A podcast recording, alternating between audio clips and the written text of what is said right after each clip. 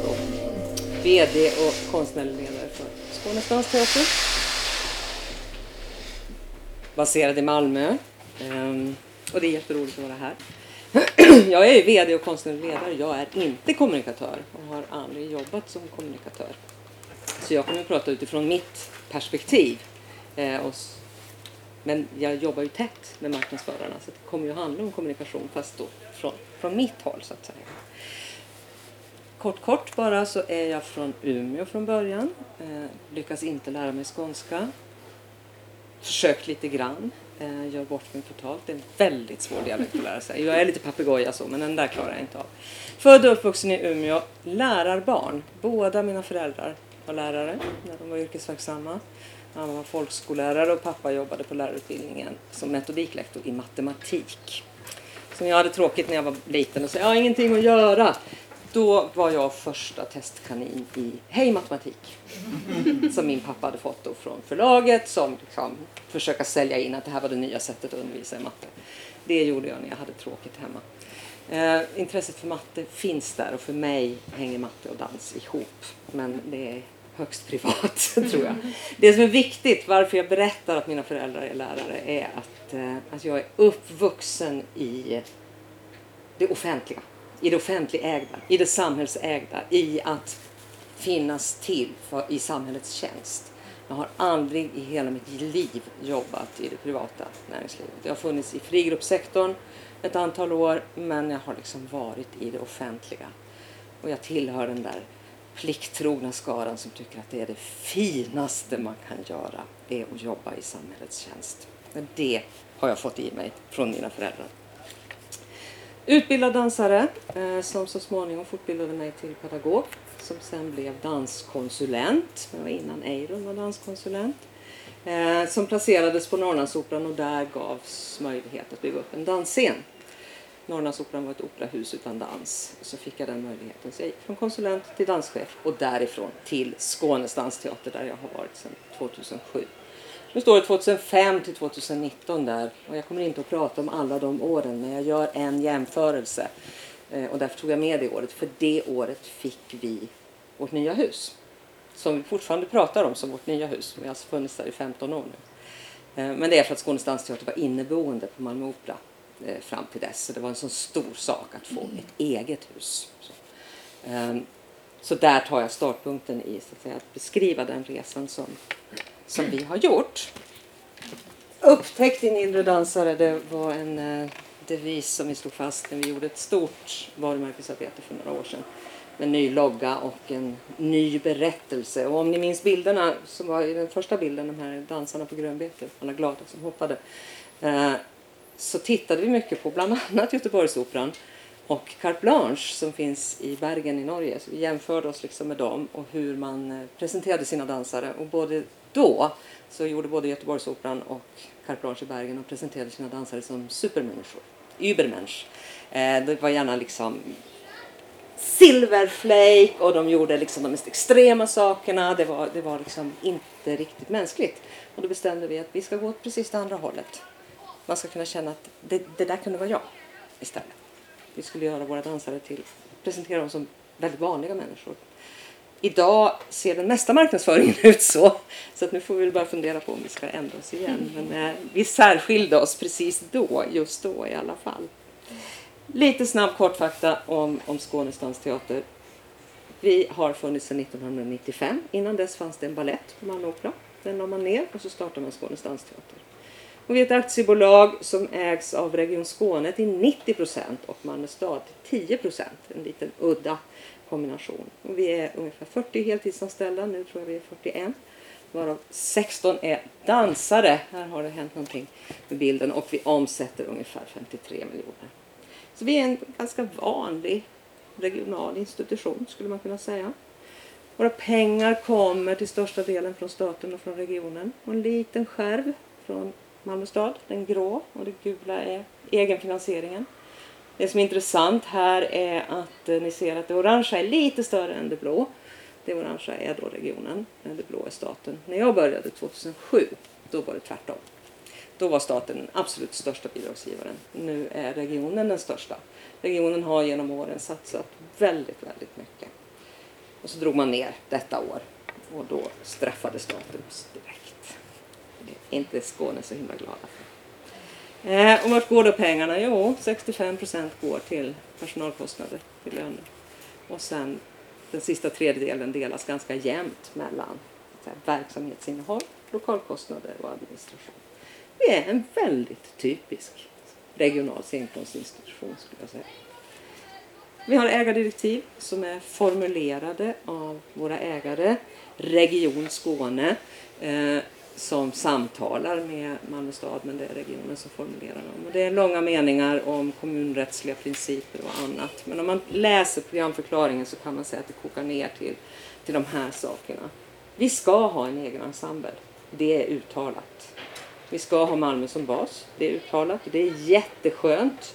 Då och då pratas det regional tillgänglighet och då kommer förslaget. Men Hässleholm, hörni, det är ju ändå tågknutpunkten i Skåne. Skulle ni inte kunna bo där? Då är det skönt att kunna säga att det inte är vår fråga. Det är redan bestämt. Vi ska finnas i Malmö. Vi ska producera, vi ska främja och vi ska utveckla. Eh, ingen definition på vad främja betyder. Vi ska hålla hög konstnärlig kvalitet och nå en så bred publik som möjligt. Vi har inga siffror i, eh, i våra ägardirektiv. Det står ingenting om hur många föreställningar, det står ingenting om hur mycket publik vi ska nå överhuvudtaget. Utan så mycket som möjligt är ungefär budskapet. Så. Eh, sen har vi ett ganska omfattande samarbetsavtal med Malmö Opera. Så vi gör en produktion per år på Malmö Opera med deras orkester. Som en slags rest av den där gamla Malmöbaletten. Vi betalar ingenting utan de står för det ena och vi står för det andra. Men det här syns alltså inte i ägardirektivet utan det är ett eget avtal som vi har. Eh, om vi gör en liten jämförelse då, det är därför 2005 kommer med där. Om man tittar på 2004, året innan vi fick egna lokaler, så var det 14 dansare och eh, som totalt gjorde 48 ensembleföreställningar. Jag återkommer till varför jag kallar det för det. Två plus sex gästspel står det här och det är helt enkelt därför att Dansbiennalen var i Malmö 2004 så att de där sex, tror jag om jag tolkar årsredovisningen rätt, ingick i Dansbiennalen. Eh, två egna och fem andra publika aktiviteter. Det var fem öppna rep. Det var det vid sidan om föreställningarna som man gjorde. Och så nådde man 16 404 personer.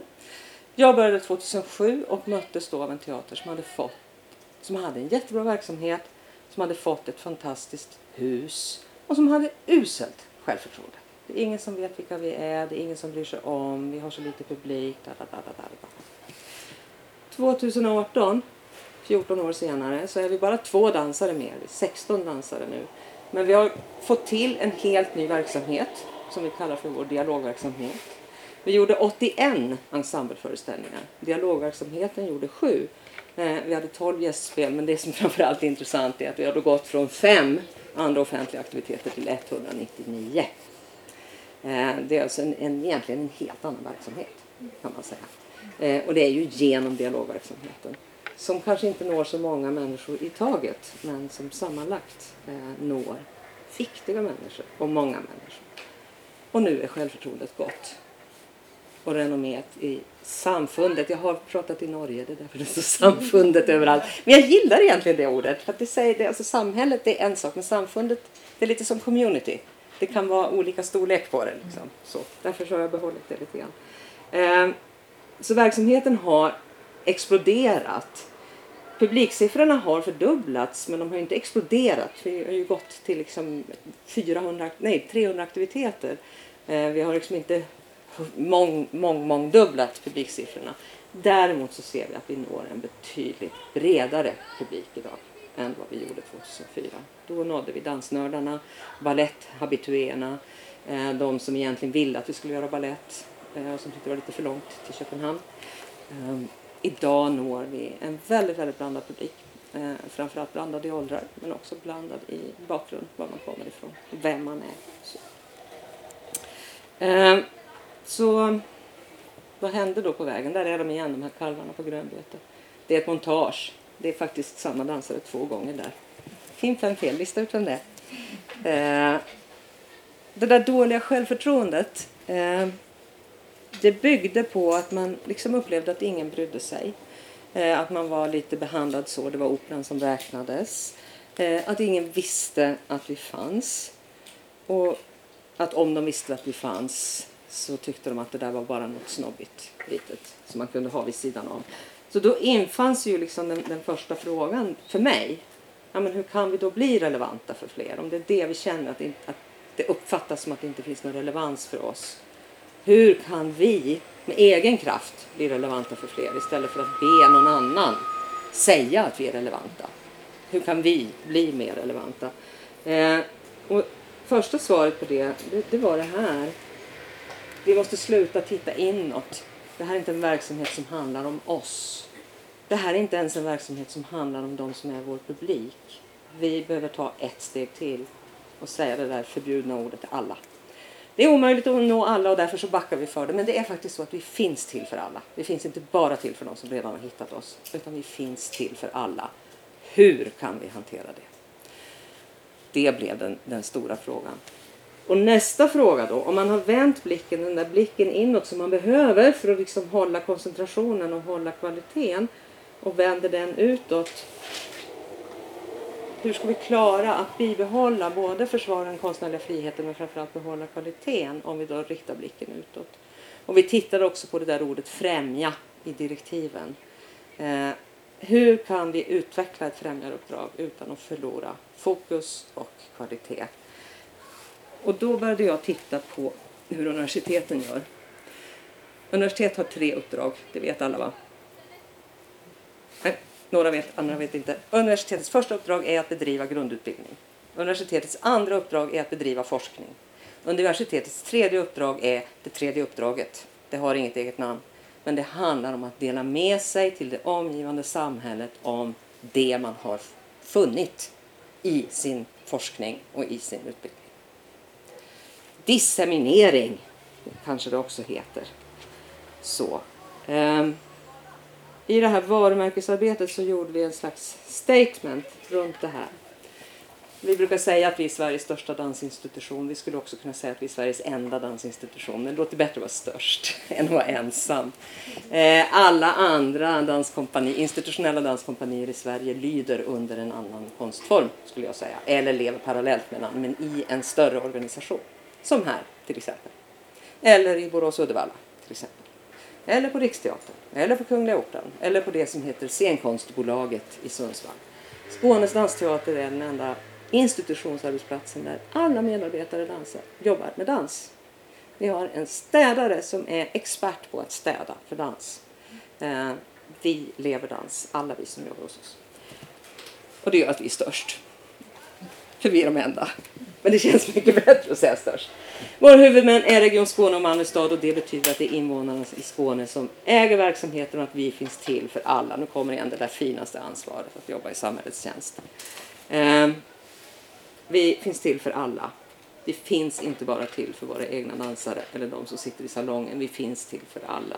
Vi finns till för Kit som är dansare på Skånes dansteater som hänger där till vänster. Vi finns till för Peter, 75, som har eh, fått en revival i sitt liv när han har upptäckt dansen. Vi finns till för Madde som flyger i luften i sin rullstol och som har hittat en ny karriär. Och vi finns till för Simona som där var sex år, nu är hon tio. Vi finns till för alla. Ehm, och alla är alltså mer än publiken. Vet ni, ni vet det där tecknet betyder större än. Om man nu har en pappa som är mattelärare så lär man sig det. Alla är större än publiken. Och främjande är inte publikutveckling. Det är inte samma sak som publikutveckling. Det kan vara publikutveckling, men det kan också vara någonting helt annat. Det sitter inte ihop. Så det här blev så att säga mantrat. Det finns till för alla. Alla är mer än publiken. Och vi ska titta på detta med främjande. Alla och främjande blev de två viktiga orden. Det här är från en föreställning som heter Simi. Eh, see med C. Så hade det kunnat vara hav också. See Me i Västra hamnen i Malmö. Och det här det ledde då fram till att vi startade den här verksamhetsgrenen som heter Dialog. Skånes dansteater Dialog. De första tre åren, 2009 till 2012, så var det en, ett projekt från 2012 är det en permanent del av Skånes dansteaters verksamhet. Eh, delaktighet, tillgänglighet och danskunskapande eh, var de tre begreppen som vi använde oss av inledningsvis.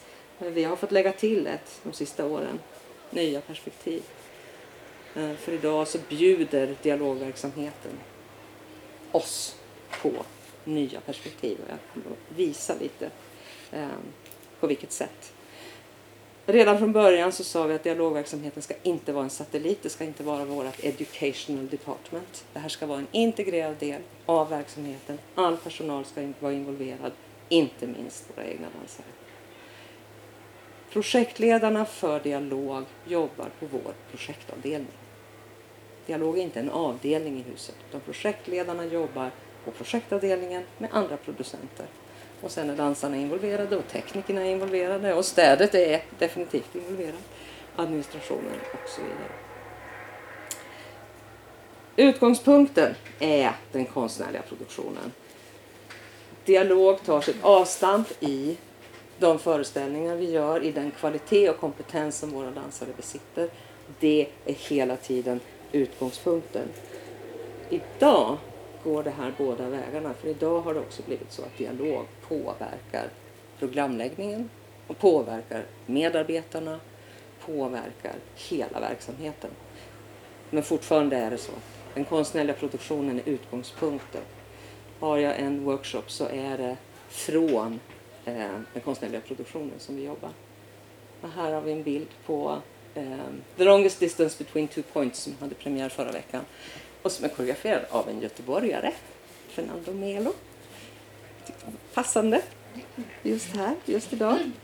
Eh, dialogverksamhetens 199 aktiviteter då som det var 2018. Vi har mycket som riktar sig väldigt brett, som riktar sig till alla.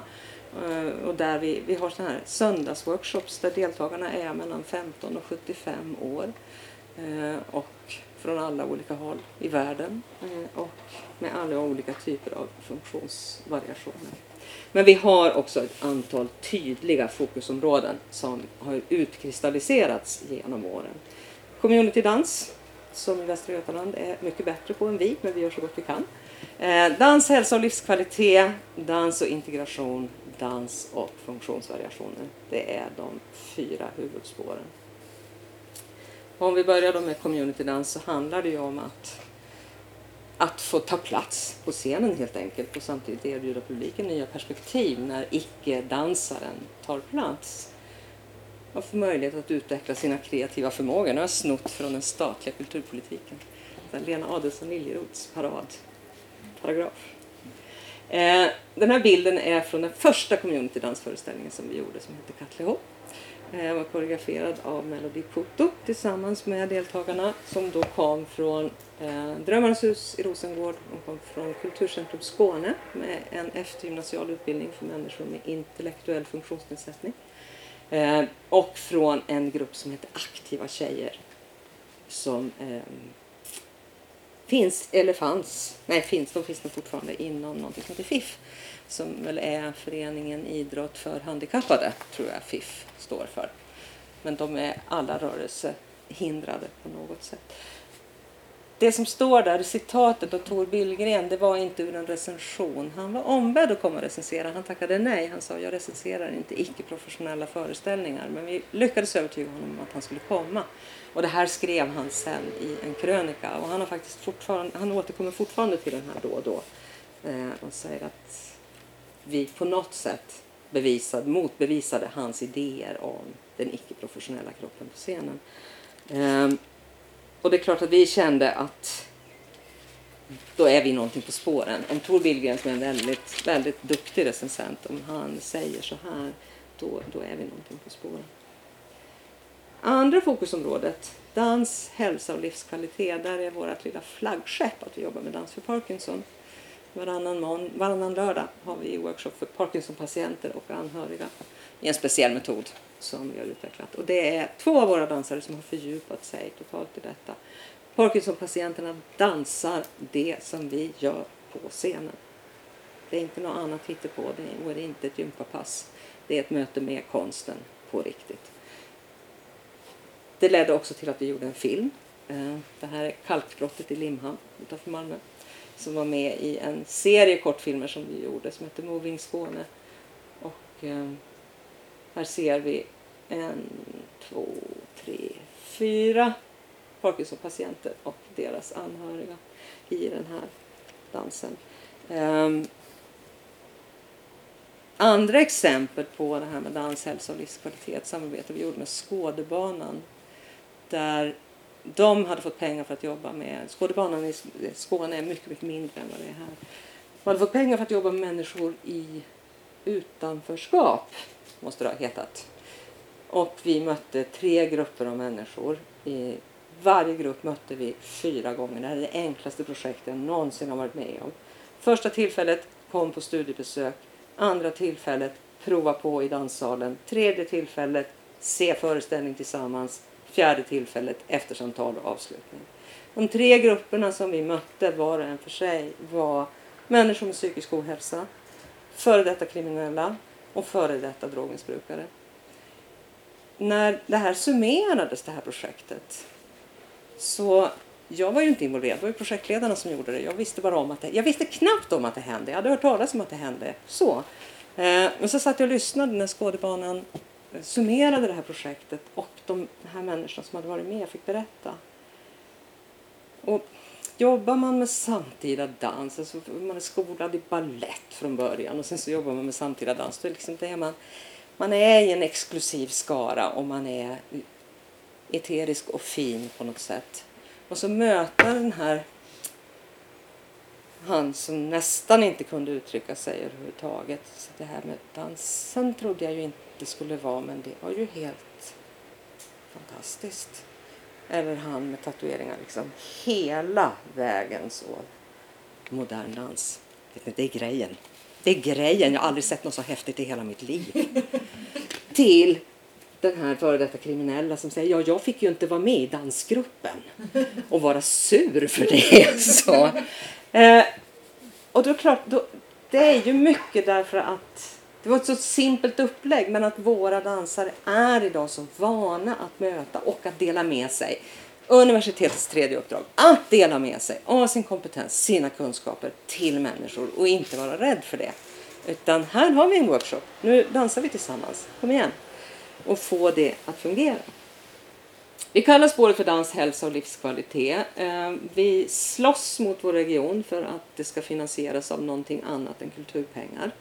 Eh, de ringer oss gärna och vill ha vår Dans för Parkinson-film för att berätta om Region Skånes framgångsrika Parkinsonvård. Men de betalar inte en krona. Men livskvalitet kan ju handla om andra saker än om ohälsa. Vi har också haft en grupp eh, 60 plus som har samlats Eh, och haft egna stunder och egna workshops och en egen dansklubb. Eh, och det här ledde fram till att vi 2016 gjorde en föreställning med åtta stycken pensionärer och koreografi av Lydia Vås. Och det här är då inte ohälsa, här handlar det om livskvalitet och åldrande. Det tredje spåret, dans och integration, bedriver vi genom någonting som vi kallar för SWAP Dance Club, som också är varannan vecka, eh, där man ses för att byta danser med varandra. Vi började få nyanlända ungdomar att möta bofasta ungdomar i Malmö boende ungdomar eh, och möta oss i, i det som kallas för Swap Dance Club. Det har också lett till att vi nu har ett eget eget Novrosfirande och ett eget Jalda-firande. Jalda Extended heter något märkligt Lucia julfirande som innehåller traditioner från, från allt. Vi hade ett fantastiskt Lucia-tåg första året där eh, Lucian inte visste vad Lucia, vem Lucia var. Men hon hade ju sett de här bilderna så hon skulle vara Lucia. Det var jätteviktigt. Kronan är ju ganska obekväm. Det vet ju vi. Eh, det visste inte hon. Men när hon stod där och det sjöngs och hon liksom, så Då tog hon av sig kronan och så lämnade hon över den till personen som stod bredvid henne som tog emot den. Och jaha, ja, passerade den till nästa. Och sen gick då Lucia-kronan genom hela rummet. Det här var i vår foyer. Alla hundra personer som var där tog i Lucia-kronan och ledde den vidare till sin granne. Så har vi en helt ny Lucia-tradition. Jättevacker! Mycket vackrare än att en ska få vara Lucia. Ja. Fantastiskt fint. Eh, den som var Lucia då, hon heter Atossa Faramad, Hon kom till oss, det är hon som har dragit igång SWAP. Hon är från Iran. Hon flydde eh, väldigt ung. Passion för dans och en absolut... Alltså hon, är, hon är en rebell som bara inte kan. Hon kan liksom inte låta bli. Hon var 15 år, hon kunde inte låta bli att ta av sig slöjan. Hon kunde inte låta bli att ta de där dansstegen i det offentliga. Hon kunde inte låta bli att hålla sin pojkvän i hand. Eh, hon blev tvungen att fly. Hennes familj är kvar, hon har flytt ensam kom ensam, ensam flicka till och sökte upp oss. Någon hade tipsat henne om men hör av dig till Skånes dansteater. Söker upp oss och säger jag vill dansa, jag vill dansa, jag vill dansa. Och då hade vi eh, produktion nummer tre kanske på gång i det här Community Dance. Det hette Urban Project och det var då eh, ungdomar inom den urbana danskulturen, alltså streetdance. Så jag sa, men kom och var med här. Atossa visste inte vad streetdance var. Hon var helt främmande för hiphop. Allt det här var liksom fullständigt främmande för henne. Urban Project hade liksom inte nått Teheran där hon kom ifrån. Men hon fick ju dansa och Melody gjorde ett solo för henne tillsammans med henne också. Sen dansade hon hiphop så gott hon kunde. Eh, och sen lyckades vi få pengar från regionen för något som heter Ung Kraft och så kunde hon dra igång den här Swap Club. Vi hade aldrig kunnat göra det själva. Eh, vi har ingen eh, på den delen av teatern som har eh, en trovärdighet gentemot de här ny, nyanlända på det sätt som Atossa hade. Eh, där hon kunde söka upp dem direkt eh, och ta med sig dem direkt. Eh, vi hade med henne på, vi, vi har en sån här utomhusscen i Malmö som heter Pildammsteatern där Sommarscen Malmö håller till så stora gratisföreställningar och vi hade med oss Atossa på en föreställning där hon fick göra det här solot och så helt plötsligt hör man från publiken Atossa, Atossa, Atossa. Och här har hon sin fanclub. Så, eh, hon är otroligt respekterad. Så de högaktar henne. Det är helt fantastiskt att se. Det fjärde fokusområdet, dans funktionsvariationer, är ju det fokusområde som vi har utvecklat allra mest, som vi är bäst på och som vi har kommit längst med. Ehm, det började med workshops, det började med aktiva tjejer. Det ledde till en festival, Dansfunk 2012, som fick en uppföljare, Dansfunk 2.0 2015. Och nu blir det en ny Dansfunk 2020, Dansfunk 3.0. under två år så hade vi ett Erasmus Plus-projekt med fyra andra parter för att utveckla undervisningsmetoder, träningsmetoder för människor. Det finns ju ingen väg in i yrket idag. Utbildningarna kan inte hantera människor med funktionsvariationer. Vi har haft ett mentorskap för Madde som är på bilden där som har gått från att vara en glad amatör till en professionell dansare idag. Det här är en bild från en föreställning som heter Dare to Wreck som var utvald till scenkonstbiennalen nu visades i Sundsvall. Du såg den? Ja, grymt bra. Grymt bra! Bra betyg. Eh, den har varit runt på olika festivaler, den är perfekt. Den är bara 12 minuter lång så det kan vara så här, så här invigningsgala eller så. Och i höst så ska den åka till New York. Eh, och sen kommer nog inte Pedro orka längre. Han är, han är egentligen överårig, han är liksom dansarpensionär eh, nästintill. Men eh, nej, det är en fantastisk föreställning och det är fantastiskt att ha varit med och fått stötta en person in i ett yrke på det sätt som vi har då gjort med Madde. Eh, och nu är vi en av sju parter i något som heter Europe Beyond Access som handlar om att ändra synen på eh, vilka kroppar som äger den konstnärliga utvecklingen inom dansen. Ja. Eftersom den är så kort, mm. ligger den någonstans på nätet så man kan titta på den? Nej, det gör den inte. Den ligger på nätet men man måste ha ett lösenord. Eh, det är ju lite så här upphovsrättsliga skäl och så. Alltså det är en föreställning som fortfarande spelas. Så att, eh, däremot så finns det på vår hemsida så finns det under de här, finns det någonting som heter STT Play. Och där finns de här Moving Skåne-filmerna och där har de gjort en filmversion av Dare to Wreck. Så, men den är som en, som en egen liten dansfilm då som utspelar sig i det gamla vattentornet i Malmö. Vi har faktiskt varit här i Göteborg med föreställningen på, vad heter den, tredje våningen heter den va? Och då gjorde också Madde ett samarbete med Emilia som jobbar i dansgruppen Spinn. För ni har ju ett integrerat kompani här i, i eh, Malmö, höll jag på att säga, i Göteborg.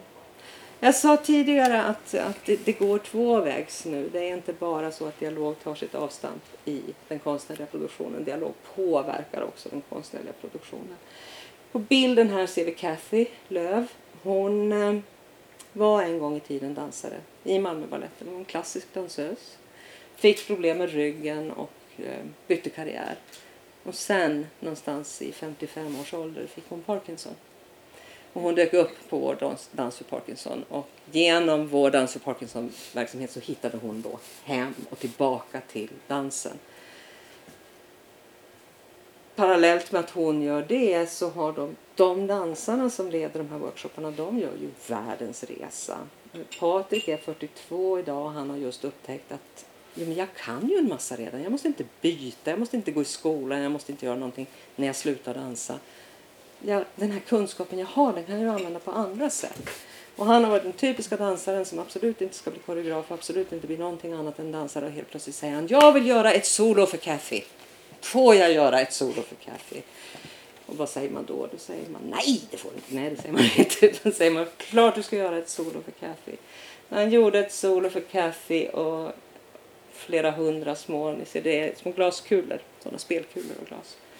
Uh, det har framförts en tre, fyra gånger kanske. Eh, Kathy är inte så frisk. Men de gånger hon orkar så är det en fantastisk upplevelse att få se den här tidigare dansaren eh, göra den här föreställningen som är, bygger på henne helt och hållet.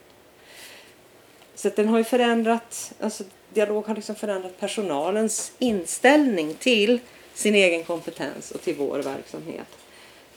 2012 hade vi då den första Dansfunkfestivalen och eh, det blev jättesuccé och vi framstod som så otroligt progressiva. Vi var fantastiska, alla var så imponerade. Gud vad bra ni är! Och så satt jag där längst bak och kände så här. Ja, det här är ju jättebra, men vi pratar om att utmana, vi pratar om att utmana idén om vem som får ta plats på scenen, vi pratar om att utmana det ena och det andra. Har vi utmanat oss själva i vår egen ensemble? Svar nej. Det är ju jättepinsamt. Det är ju jätte, jättepinsamt. Sen är, är ju planeringshorisonterna är ju ganska långa. Så det tog två år innan vi satte The Extended Version of Nothing på scenen, en koreografi av Martin Forsberg. Längst fram ser vi Sindri som snart är blind. Och längst bak så det ser vi Dan Do som redan då var en eh, väldigt etablerad dansare. Hon har dansat eh, i många år i Kanduko som är det mest kända kompaniet i världen. Som säger We are a company of disabled and non-disabled dancers. Det är deras liksom, devis. Så, och där hade Dan jobbat i, i väldigt, väldigt många år. Eh, när han kom till oss så var en av de sakerna vi hade bestämt var att det här handlar om oss, det här handlar om vår utmaning av oss själva. Det här handlar inte i första hand om utmaningen att utmana publiken, det har vi gjort på andra sätt. Så vi valde att inte berätta någonstans i någon marknadsföring att två av de fyra dansarna hade någon form av funktionshinder. Det var ingenting vi pratade om överhuvudtaget. Det fanns de som blev störda av det, eh, kanske speciellt därför att Dan har en CP-skada som gör att han får spasmer ibland. Eh, det tyckte de att de hade behövt veta, för det var ju lite oskönt. Eh, men de, annars var det väl inte så många kommentarer. Men jag kommer ihåg min styrelseordförande då som verkligen brinner för de här frågorna och har varit oerhört engagerad. Hon, hon eh, kom och så bekände att hon hade suttit och funderat vem av dem är det som är blind. För hon visste ju.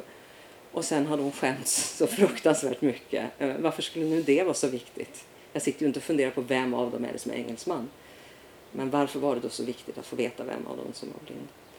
Så det var ett sätt för oss att, att testa oss själva och se vilken väg vi kunde gå och vad vi tålde. Det är inte helt lätt. Ehm, Idag, alltså yngre dansare idag, de, de utbildas på ett annat sätt och det finns ett annat tänkande. Men jag ser ju den, de äldre dansarna det, det, är mycket du ska göra upp med när du är uppfostrad i en estetik och en idealisering och en idé om att det finns en perfekt kropp så är det mycket du ska göra upp med. Eh, och det fanns de som hade det kämpigt i det här men eh, de tog sig ju igenom det och växte ju enormt av det.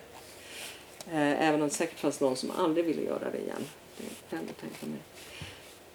här finns Spin som sagt, det finns Candupo i England, det finns Axis i San Francisco, det finns kompanier över hela världen. Så min tanke blev ju då, är det här den nya vägen? Ska vi också bli ett, det som kallas för integrerat eller inklu, inkluderande kompani? Väldigt märkligt uttryck. Man förstår ju inte, vem är det som integreras, vem är det som inkluderas? Jag mötte någon kvinna som jobbar med såna event i Skåne och hon sa, ah, ni sysslar med paradans. Jag ja, det är ju det vi ska säga. Paralympics, paradans. Då förstår alla. Men jag tror inte att vår bransch tål det riktigt. Men Jag skulle vilja slåss för det. Kan vi inte säga att det är paradans vi gör istället?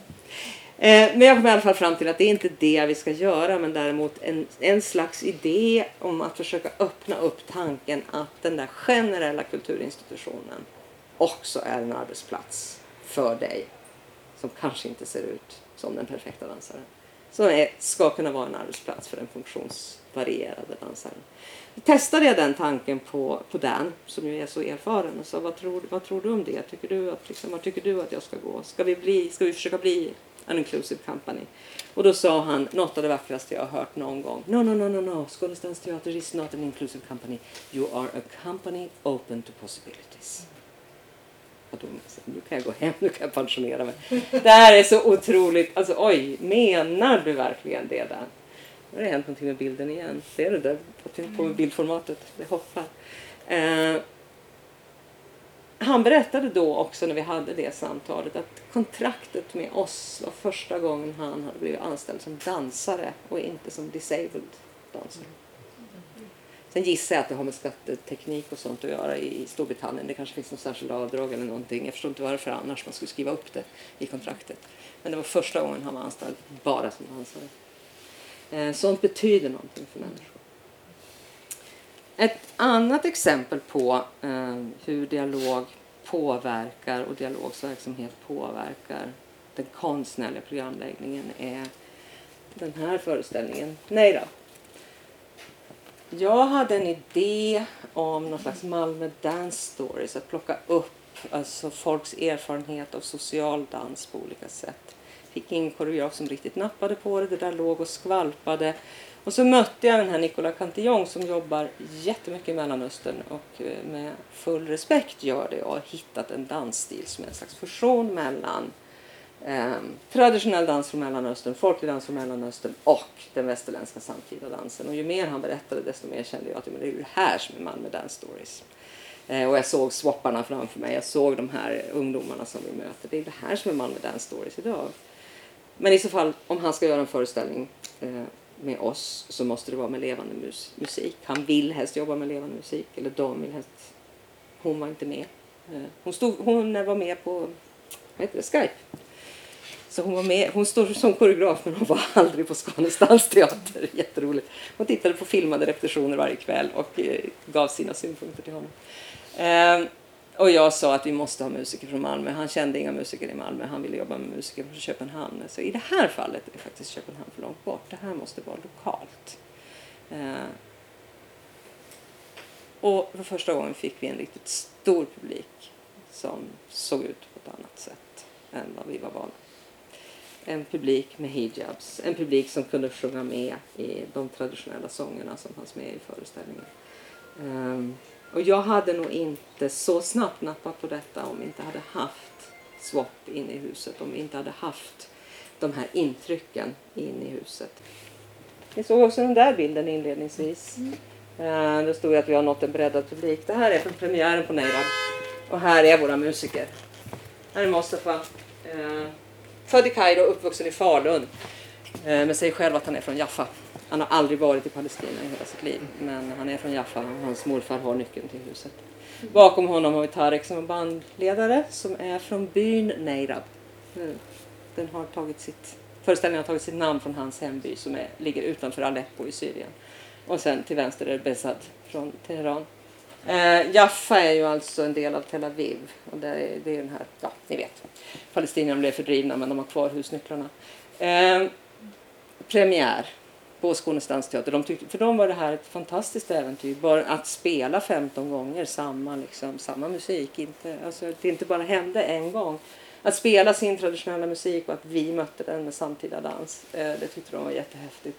Men det här är inte deras värld eh, och de är inte ortodoxa i sitt sätt att förhålla sig och just där finns det så mycket att lära sig. Så det blir premiär. Det är det stora applådtacket, det är en galet glad publik och vad händer om Mustafa som står mitt, mitt i gruppen lämnar scenen? Mitt i applådtacket sticker killen ut. Men vad gör han för någonting? Kommer tillbaka med en selfiepinne. Får hela ensemblen att vända ryggen till publiken för att ta en selfie med publiken bakom. Det här borde man ju göra varenda premiär. Det här är ju fantastiskt. Så har vi liksom dansarna, vi har musikerna, vi har koreografen i mitten, vi har kostymdesignern och så har vi då den stående glada publiken där bakom. Bara för att han inte visste att uppföra sig. Det är en befrielse. Eh, och sista exemplet på hur dialogverksamheten har påverkat det konstnärliga innehållet. Det är to find a way with one another. Eh, jag kände att innan jag slutar så har vi en plats till att erövra när det gäller det här med vidgat deltagande eller vem som får ta plats på scenen och det är Malmö Operas stora scen. Norra Europas största scen. Eh, den där stora prestigefyllda scenen. Och det är fullt med amatörer på den scenen. De är där som statister, de är där i bakgrunden, de är där på talangkvällar. Det är inte så att de inte får ta plats. Men bara som en i ensemblen. Bara som, alltså som huvudakt i en professionell föreställning. Att få vara där helt i sin egen rätt. Eh, det är någonting annat. Det har inte presenterats på den stora scenen. Och Madde och Frida, de har två stycken rullstolar, var de första rullstolarna på den scenen där den som sitter i rullstolen också är beroende av den. Alltså man har haft skådespelare alltså, utan funktionsvariation som spelar handikappad. Så fick åka lasthissen för att ta sig upp till scenen. Det, vi har ju alla dessa direktiv om hur våra scener ska vara tillgängliga. Men eh, det är ju publiken man pratar om då. Det är ju tillgänglighet för publiken, tillgängligheten till scenen. Där finns det inga direktiv. Eh, det får man lösa så gott man kan. Sju av våra dansare och 20 icke-professionella från dialogverksamheten. Så här har vi då några från Swap Club. Vi har några ur det här 60 plus-gänget. Vi skulle haft med Kathy men hon var tvungen att hoppa av. Vi har från Aktiva tjejer och vi har från Kulturskolan i Lund ungdomar. Det är ett brett spektrum. Det är ja, ett helt samhälle kan man säga. Och vi bestämde väldigt tidigt att inte göra den där, det som communityföreställningar ofta brukar vara. Ta av din egen berättelse, här får du chans att berätta din berättelse. Utan istället utsatte vi de här dansarna, eller koreografen Ben Wright utsatte de här dansarna för att lösa en uppgift gemensamt. To find a way with one another. Det handlade inte så mycket om hur olika vi är som hur lika vi är. Eh, det de utsattes för, det dansarna på scenen utsätts för, är ett rum i ständig förvandling och hur de ska parera det och förhålla sig till det. Madde var med som en i vår ensemble. Hon var en av de sju professionella dansarna. Och vi fick många kommentarer om de två dansarna i rullstol, vad duktiga de är. Speciellt den ena, hon var jätteduktig. Mm. Jag ska inte berätta det för henne att du sa det, det är inte så kul. Det är inte så kul som du kanske tänkte att det skulle vara. Och då känner jag att ja, men, tillgänglighet och relevans, konstnärlig frihet och samfundsansvar här. Nu handlar det om alla. Eh, nu handlar det om alla och det är ju vi som har tolkat ägardirektivet åt det här hållet. Det är väldigt vagt och öppet hållet. Och eh, det har funnits stunder när jag har känt att jag skulle vilja att ägardirektivet pekade mer mot samhällsansvaret för institutionen. Dels för att jag känner att vi, vi måste, vi måste om vi ska försvara, om vi ska försvara den finansiering som vi har så måste vi också visa att vi betyder någonting för samhället på riktigt. Eh, och det handlar inte om att ge, ge upp. För det handlar inte om att ge upp den konstnärliga friheten. Det handlar inte om att ge upp konstens egenvärde. Det handlar om att konsten genom sitt egenvärde kan göra så himla mycket nytta. Jag gillar det ordet. Det är väl också den där lärardottern. Eh, finns det någonting finare än att göra nytta, Åsa? Det finns ingenting finare att göra nytta. Och det tycker jag. Eh, och jag tycker att vi gör bort oss om vi säger att nej, konsten får inte vara nyttig. Nej, men den är nyttig i sig själv, i sin egen rätt. Så fort vi försöker bestämma först att den ska vara nyttig och sen skapa den, då kommer det inte att funka. Men den är där och är nyttig. Men jag inser att får vi det inskrivet i ägardirektivet så kan det också missbrukas. Eh, och det grövsta. Så att det är väldigt, väldigt problematiskt. Men jag skulle önska att man hittade lösningen på det. Eh, vi ska nog vara glada att det inte står inskrivet. För det vet man inte hur det skulle kunna användas. Nu kommer ett citat. Eh, det här är från en recension av en alldeles vanlig föreställning i Kristianstad när vi var på turné. Det är lite som det där, A company open to possibilities. Man bara känner så här, oh, wow. Tänk att någon säger det där om oss. Det var ju precis det där vi hade hoppats att man skulle se i vår verksamhet. Och då känner jag att vi är, är framme på något sätt. Vi satsade på främjande och vi fick publikutveckling på köpet. Vi har aldrig fokuserat i det här arbetet på att sälja biljetter, på att få folk att komma till våra föreställningar. Aldrig någonsin. Gör de det så är det väl jättekul. Men om du har kommit hit en dag, haft en workshopupplevelse eller ett studiebesök som gör att du känner att ditt liv har blivit rikare. Ja, men då har ju du fått valuta för din insats i den här institutionen. Jag behöver inte tvinga dig till någonting mer. Och det öppna förhållningssättet och det generösa förhållningssättet har ju visat att folk visat på att det leder till att folk vågar komma. Till skillnad från när man försöker liksom dra dem. Så, så vi pratar aldrig publikutveckling, vi pratar bara främjande. Och vi pratar aldrig om just att just de ska komma på våra föreställningar. Sen gör de ju det i alla fall. Där är det. Just nu i spelperiod, min sista, jag hade min sista premiär i onsdags. En tredelad kväll, en alldeles vanlig föreställning men präglad av de år vi har haft tillsammans. Jag programlägger 20, 1920, hösten 19, våren 20, men det var min sista liksom, premiär där jag var på plats när föreställningen hade på premiär. Och den spelar ikväll och den spelar på torsdag och söndag och nästa lördag. Väl värd en resa till Malmö.